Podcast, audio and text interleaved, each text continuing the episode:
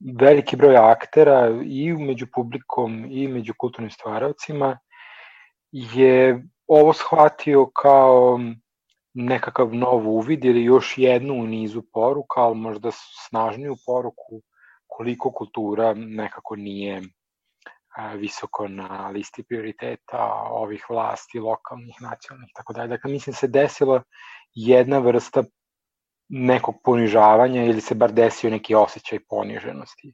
I taj osjećaj nije, mislim, možemo da ga razumemo dok su kladionice i noćni klubovi radili, pozorišta nisu radila i tako dalje.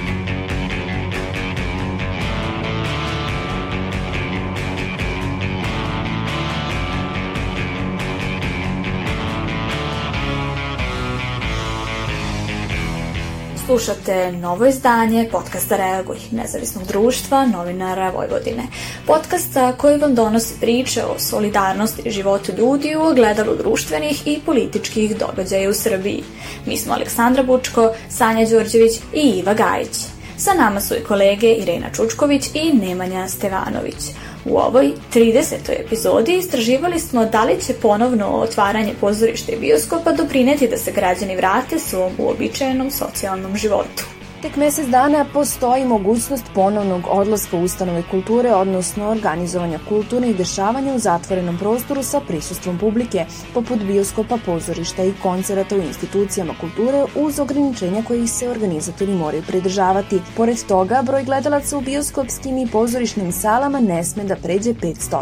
U ovoj epizodi podcasta Reaguju otkrivamo kako su se umetnici i radnici u kulturi snašli sa novim uslovima rada, kako funkcionišu neke od poznatih ustanova kulture, ali i kakve je promene epidemija koronavirusa donela kod publike. Kako pozorišta, tako su i bioskopi u Srbiji posle više mesečne pauze otvorili svoja vrata za izvedbe i projekcije filmova sa publikom.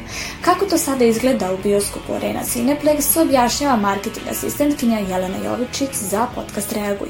Bioskopi su počeli da rade nakon skoro šest meseci pauze, zbog pandemije koronavirusa i jeste, počeli smo da radimo e, u malo drugačijem sistemu nego što smo to navikli. E, postoje e, razmaci u bioskopskim salama, znači grupa do šest osoba prijatelja porodice može da sedi zajedno, a onda sa njihove leve ili desne strane postoji razmak od jednog sedišta koje se ne prodaje i zatim nakon toga sedi sledeća grupa ili je u pitanju pojedinačna karta. E, kao što je sistem i u e, drugim zatvorenim prostorima, obavezno je da se nose maske sve vreme dok ste u bioskopu, znači od trenutka kad uđete u hol, dok čekate na projekciju, do momenta kad sednete na svoje sedište, onda možete da skinete masku ukoliko konzumirate e, nešto od hrane ili pića, kao i u bilo kom restoranu ili kafiću u zatvorenom prostoru, naravno skinućete masku, jel? E, mi smo uradili još neke dodatne stvari ovaj, u samom bioskopu postavili smo punktove sa beskontaktnim e, dezinfekcionim sredstvima za sve posetioce, postoje pleksiglasi na blagajnama, tako da su radnici koji svakako nose maske odvojeni na taj način od publike, maksimum broj ljudi u salama je 500, ali svakako po broju sala i kada se dodaju ova prazna sedišta to je to, ni ne može da bude, ni ne može da bude više. Jovičić kaže i da su u Novosadskom bioskopu zadovoljni posetom nakon ponovnog otvaranja. Ja mogu da vam kažem da smo mi zapravo zadovoljni dosadašnjom posetom. Nismo znali šta da očekujemo, jer strah postoji, vidimo da se ljudi u određenim prostorima kreću sa strahom, da ih ima manje, u nekim drugim prostorima pak ne, tako da ovaj, mi jesmo zadovoljni e, posetom, pogotovo tog prvog dana kada smo otvorili bioskope imali neke sjajne akcije za sve posetioce, e, mogu da kažem da se ljudi sada više raspituju upravo za epidemiološke mere i putem društvenih mreža i e, telefonom, e, prosto pitaju šta je, šta je to od mera koje moraju da poštuju i mogu da pohvalim publiku da publika poštuje mere, da sa te strane nema problema. Nekako e, septembar, oktobar su meseci kada generalno je poseta u kulturnim institucijama mnogo manja, jel e, porodice su poslale decu u školu, potrošilo se mnogo na putovanja, odmore, pa je nekako i sama poseta manja, nekako smo mi to navikli da je u tom periodu baš tako, ali smo svakako do sadašnjom posetom zadovoljni. To nije ono ko e, pre pandemije, svakako, ali nadamo se da će polako doći i do tog broja. Kako je bioskopska industrija u stalnom takmičenju sa novim digitalnim distignućima, Jovečić se nada da ova pauza neće vratiti bioskope korak unazad. Objašnjava da je ovo, kako istoričari kažu, najduži period u istoriji da bioskopi nisu radili. Naša sagovornica zaključuje da je pandemija koronavirusa donela i nešto pozitivno, a to je zajednica ljubitelja filmova na društvenim mrežama. Ono što mogu da kažem, a da je pozitivno proizašlo iz ove pandemije jeste pravljenje određene zajednice ljudi koji vole filmove. Mi smo sve vreme ovih pet i po meseci komunicirali s našom publikom putem društvenih mreža, iako smo bili zatvoreni, nastavili smo da se igramo, pogađamo filmove, preporučujemo jedni drugima filmove, ljudi su zaista konstantno pisali, pitali nas kada ćemo biti otvoreni i govorili da im nedostaje da gledaju filmove u bioskopu i stvarno smo stvorili jednu sjajnu zajednicu ljudi za koju, eto, možda nismo imali vremena da ranije toliko komuniciramo, ali sad, pošto smo svi bili u istoj situaciji kod kuće, zatvoreni, e, imali smo vremena da komuniciramo i da se zaista povežemo. Kada su u pitanju daske koje život znači, Jovana i Brajter, pod parolka Novosadskog pozorišta, kaže da su oni tek krenuli sa radom, te da su odmah na početku morali da prilagode i samu produkciju nove predstave, koja je bila pripremana u saradnji sa segedinskim kolegama iz Mađarske. Ona kaže da ono što je zapravo važno jeste da su se glumci vratili u pozorište. Mi smo u Novosadskom pozorištu u septembru mesecu počeli sa, da tako kažem, redovnim e, radom. E, doduše u septembru smo imali dva, dva gostovanja i jednu e, premijeru, premijernu izvedu, izvedbu predstave e, Seljačka opera u režiji Atile Keresteša. E, ta predstava je prvobitno zamišljena kao koprodukcijska, dakle radili smo je sa nacionalnim pozorištem iz Segedina i premijera je trebala biti održana u martu mesecu, međutim zbog e, stanja e, sa koronavirusom ona je odložena, e, tako da smo je održali sad 21. septembra u izmenjenom obliku u smislu da naše kolege iz Segedina nisu mogle da prisustuju toj premijeri, tako da su naši glumci iz Novosadskog pozorišta preuzeli one uloge koje su igrali glumci iz Segedinskog teatra. To su neke stvari koje su kao posledica uh, korone uh, nastale, dakle trenutna situacija zahteva da se u određenim e, momentima e, snađemo i da se prilagodimo. Ali je važno da su se glumci u stvari vratili na scenu i da je pozorište počelo ponovo da radi. Ona dodaje da se pozorište dosta lako prilagodilo svim propisanim merama, od preseljenja u veliku salu do publike sa maskama dok traje izvedba. Sve izvedbe predstava smo, smo prebacili u veliku salu, baš zbog toga što u maloj sali inače e, primamo oko 60-70 ljudi, e, tako da i u tom smislu smo se prilagodili. Naša sala e, ima 152 3 mesta, tako da smo broj E, publike e, smanjili za, za pola i e, u sali tokom igranja predstave može da bude oko 70 ljudi, pritom se zaista pridržavamo svih pravila u smislu da se na ulasku meri temperatura, da ljudi moraju da nose maske tokom čitavog trajanja predstave, naravno dezinfekcija ruku i sve ostalo, na što smo se inače navikli u ovim okolnostima. I Brighter dodaje da još nemaju prave pokazatelje kolika je zainteresovanost publike u novim okolnostima jer nemaju kontinuitet u izvedbama. U septembru smo imali dva gostovanja na festivalima. Nastupali smo na festivalu u Čortanovcima i tamo je delovalo da je, da je odziv publike dobar i da su se ljudi zaželeli pozorišta i mi smo imali tu premijeru, a morat ću da, da napomenem da premijere nisu baš merodavne jer nekako je uvek veliko interesovanje za prvih par igranja predstave. Glumica Isidora Vlček takođe potvrđuje da su publici izvedbe uživo falile. Ona je, dok su pozorišta bila zatvorena, radila i na online pozorišnim predstavama, ali kaže da kontakt uživo sa publikom ništa ne može zameniti. Dodaje da se i na predstavama oseti da se publika uželela pravog pozorišta. Moram da priznam da smo se mi glumci baš jako uželeli publike, da to što smo igrali online, to je bila parola snađi se, pokušaj da pronađemo neki novi oblik um, kako da kažem, na, koj, na oblik komunikacije sa publikom u tim nekim najnovijim okolnostima, što bi verovatno to što smo mi igrali, streamovali predstave online, što smo igrali uživo preko Zuma online, to bi trebalo da ima verovatno neku, neki drugi naziv. Nije predstava, nego nešto, što je, za što još uvek nemamo naziv.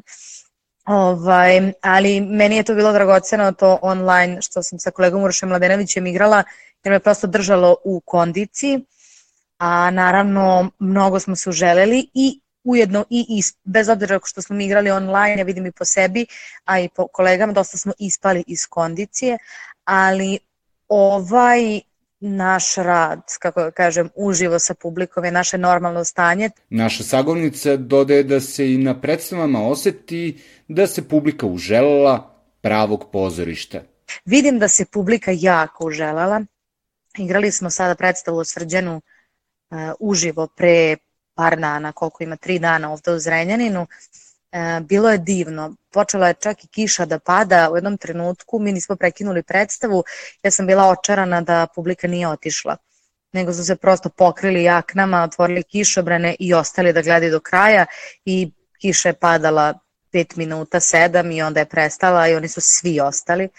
I to je tako jedna, kako da kažem, jedna potvrda svima nama, da ne samo da smo se mi uželeli, nego se i publika jako želela pozorišta. Tako da divno je ponovo biti na sceni suma sumarom. A evo šta o odlasku u pozorište i bioskope kao i o tome da li brinu da će se tamo zaraziti, kažu građani Novog Sada sa kojima smo razgovarali. Žao mi je što je bioskop tek sad otvoren, a futbalski tereni možda pre rano. Mislim, virus je i tamo i ovde, tako da možda bolje da se zarazimo uz kulturu nego uz budalaštinu. Dok je tema korone bila aktuelnija, sada je malo sve to zašlo dalje, pa se i moj stav prema svemu tome primirio, tako da ja sam u suštini već neko vreme bila u fazonu kao ajde kad će ti bioskop i pozorišta, dok to sigurno ne bi mogla da kažem i za period pre dva meseca. Ipak zatvoreni prostor, ali kada bi bilo nešto što bi mi se jako svidjelo i što bi me privuklo, otišao bih. Ne plašim se korone i mislim da je sve ovo možda i namešteno. Mesta kulture, poput pozorišta i bioskopa, bila su među prvima zatvorena po proglašenju vanrednog stanja. Kulturolog Goran Tomka smatra da je time poslata jasna poruka o tome koliko donosioci odluka ne brinu za kulturu, kao i da je to izazvalo rezigniranost i među stvaraocima i među publikom. Veliki broj aktera i među publikom i među kulturnim stvaraocima je ovo shvatio kao nekakav nov uvid ili još jednu u nizu poruka, ali možda snažniju poruku koliko kultura nekako nije visoko na listi prioriteta ovih vlasti, lokalnih, nacionalnih, tako dalje. Dakle, mislim se desila jedna vrsta nekog ponižavanja ili se bar desio neki osjećaj poniženosti. I taj osjećaj nije, mislim, možemo da ga razumemo, dok su kladionice i noćni klubovi radili, pozorišta nisu radila i tako dalje. Mislim, i muzeji Tako da mislim da se, da se jedna, da se već postojeća nekakva rezigniranost u odnosu na donosioce odluka još nekako osnažila i mislim da to da to nije dobro. Naš sagovornik kaže da je bez obzira na krizu vreme dok su mesta kulture bila zatvorena moglo i trebalo biti iskorišćeno za razvijanje novih ideja i kulturnih sadržaja. Ono što ne znam da li se desilo jer još uvek nemamo uvid u to, a bilo bi dobro da se desilo da li je pitanje da li su da li je to vreme koje je provedeno bez da kažem susreta sa publikom što naravno odnosi puno vremena, energije i tako dalje. Da li je ono iskorišćeno za nove kustoske projekte, nove umetničke projekte, nova umetnička istraživanja, kustoska istraživanja i tako dalje. Tako da, da li su sređeni neki arhivi, da li su sređene neke baze, da li su naučene nove veštine, da li su glumci, stvaraoci imali vremena da se edukuju dodatno i tako dalje, ili je um, taj period potrošen uh, onako u nekoj jadikovki, sad eto da bude malo kritičan i prema ovoj strani, znači da li je ovo iskorišćeno konstruktivno um, i da li ćemo kada se budemo ušli u 21. drugu, treću osvetati na 20. kao na neki period kada su neka temeljna, na primjer, istraživanja uh, sveobuhvatniji neki umetnički rad mogao da se, da se pripremi. Tomka dodaje i šta je ono što je Ministarstvo kulture trebalo da uradi kako bi radnicima u kulturi olakšalo ovaj period i učinilo ga produktivnijim. Mislim da bez danjeg je Ministarstvo kako da kažem, u jednoj bar najosnovnijoj ljudskoj solidarnosti trebalo da napravi neku anketu, nekakvu analizu, da, da iskorači ka različitim akterima, kaže ljudi kako ste, šta se dešava i tako dalje. Mislim, to je onako, da kažem, ljudski, a naravno da su mnogi donosioci odluka u nekim drugim zemljama to i radili. E, rađena su istraživanja, postojali su nekakvi otvoreni telefoni, kontakt telefoni i tako dalje,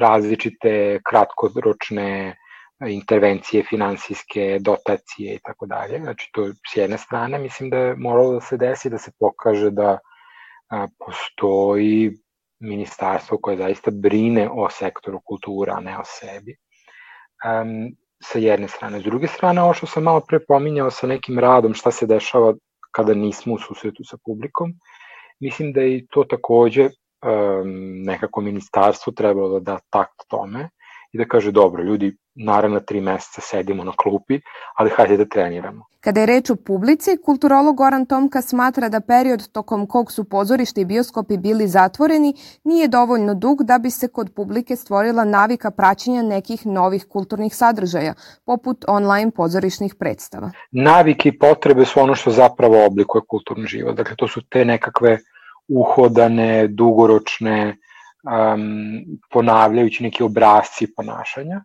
i mislim da definitivno ovih par meseci nije dovoljno da se te navike izgube ili da se steknu navike za online pozorište ili šta god, jel? Dakle, mislim da se to nije desilo. Ono što se jeste desio jeste, jesu neka nova iskustva, koja mislim da jesu značajna, nova iskustva u smislu e, možemo i ovako da gledamo pozorište ili možemo da pronašli smo neke nove podcaste, pronašli smo neke nove kanale i tako dalje. To mislim da se desilo. Ostaje sad zaista samo vreme može da nam pokaže da li su te neki novi linkovi, nove konekcije, da li će one biti i nadalje značajne u smislu oblikovanja nekakve kulturne svakodnevice. Ja sam malo sumničav, kao što se su se neke druge prakse brzo vratile na staro, jedno vreme su svi nešto krenuli da voze bicikli, da pešače, sad opet svi vozimo kola, jedno vreme su svi počeli da razmišljaju o nekakvim širim političkim, filozofskim temama, sad opet smo se vratili na ono šta ćemo jesti sutra i tako dalje. Dakle, E, pratići to, nisam siguran da je ovo neki trajni, trajni doprinos dalo. Naš sagovornik dodaje i da, iako se navike publike verovatno nisu promenile, ovakvi periodi krize mogu poslužiti kao povod za promišljanje novih pristupa i sadržaja. Čini mi se, dakle, i to sam i ranije govorio, da je svaki period poput ovog, koji nas značajno dovede u pitanje, koji nas značajno ugrozi, ali otvori neka pitanja, zapravo potencijalno vrlo važan period, jer je to period za promišljanje ko smo, šta smo, gde smo, šta vredimo, kome vredimo, kakve naše forme i tako dalje. I zato mislim da je u suštini, i vidjet ćemo i kako će nadalje biti, ali u suštini ako ne traje predugo, ako nije previše destruktivno, ovakvi periodi zaista mogu da donesu veoma vredne nove uvide, nove, nove konekcije i tako dalje meni se čini da je pomalo e, ta prilika izgubljena, ali biće još kriza, ovaj, nažalost, i voleo bih da, da eto vidim da smo svi, kada dođu krize, nekako s jedne strane solidarniji, a s druge strane spremni da neko temeljno promišljamo neke stvari, jer um, ovo dovodi u pitanje ne samo našu trenutnu kulturnu stvaralaštvo, već kulturno stvaralaštvo modernom društvu kao takvo i to je veliki, veliki izazov za budućnost i treba vremena za to, za to razmisliti, promisliti, smisliti nove forme, a ko je bolje vreme nego to kad ne idete na posao.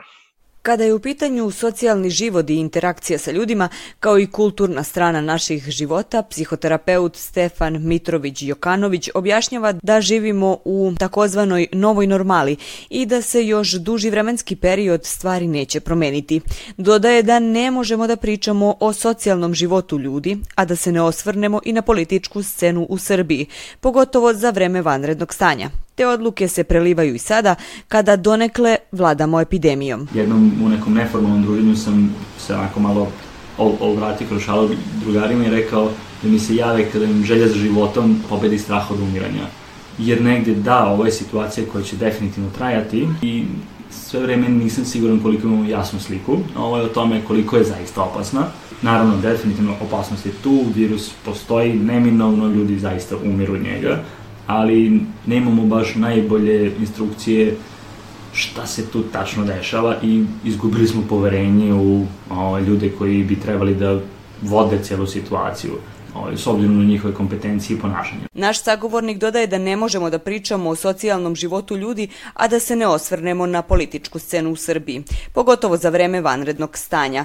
Te odluke se prelivaju i sada kada donekle vladamo epidemijom. U ovakvoj situaciji gde smo dobijali konstantno duple poruke od struke, kako su je moderno nazvali, i same države koja je negde vodila tu vanrednu situaciju, narod je bio, pored straha, dodatno zbunjen, dodatno zbunjivan. U odnosu na neke druge zemlje koje su malo drugačije pristupili ovaj, celoj situaciji, njihovi ljudi koji su se obraćali narodu medijama su bili veoma staloženi, davali informacije, davali tačne informacije, a polutačnih informacija su se prilično klonili. Nemačka imala je jako lepe govornike na datu temu koji su onako ulivali u stvari poverenje naroda, što se u našoj zemlji nažalost nije desilo, naprotiv, neadekvatne informacije, konstantno ovaj, duple poruke koje su u suštoj suprotnosti su doveli do toga da smo još uznemireniji. Pored toga što je sama vanredna situacija i izolacija koju su nastavili definitivno sama po sebi neprijatna, nismo dobili neki adekvatan odgovor na to kako se nositi sa svime time. Mitrović Đokanović naglašava važnost psihičkih potreba ljudi. O njima se, pogotovo za vreme vanrednog stanja, nije razmišljalo od strane struke, koja je donosila odluke, te je traženo od ljudi da smanje fizičku interakciju sa ljudima. Imali smo dodatne poteškoće u stvari u, u viđenju s ljudima. Prvo, instrukcije da to ne radimo ako baš ne moramo što je onako jedno dobro pitanje šta znači ako baš moramo. Koliki je to dug vremenski period gde možemo da odustanemo od ovaj, kontakta sa ljudima koji zadovoljavaju naše veoma važne potrebe. Namerno kažem potrebe jer su potrebe nešto što ako ne zadovoljimo idemo u pravcu umiranja. Ako ne idemo hranu i ne pijemo vodu, da mi ćemo umreti u nekom momentu. Takođe, ako ne zadovoljavamo određene psihološke potrebe i fizičke potrebe za kontaktom i dodirom sa drugim ljudima, na primer, idemo u pravcu definitivno onako, deprivacije i deprimiranja na kraju krajeva, što ukoliko bi dovoljno dugo trajalo, može voditi onako u blago gašenje organizma. Ponovo otvaranje bioskopa i pozorišta psihoterapeut Stefan Mitrović-Jokanović smatra dobrim, ali malim korakom u pravcu normalizacije života. Mislim da je to jedan lep korak u tom pravcu, ali nisam siguran još uvijek da smo opet imamo jasno sistemsko uređenje kako to izvesti.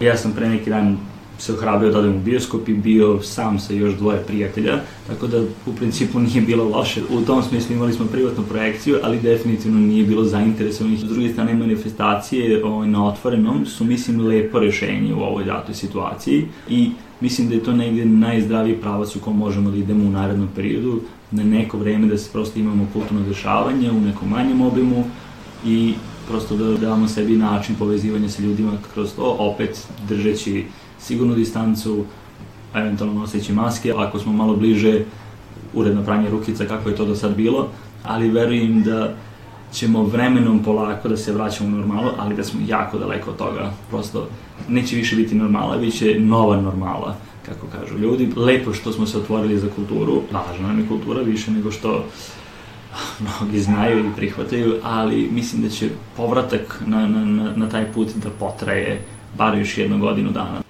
Odjavljujemo i ovo izdanje serijala Reaguj podcasta Nezavisnog društva novinara Vojvodine, u kome smo govorili o ponovnom otvaranju pozorišta i bioskopu Srbiji i povratku ljudi u običajnom društvenom životu.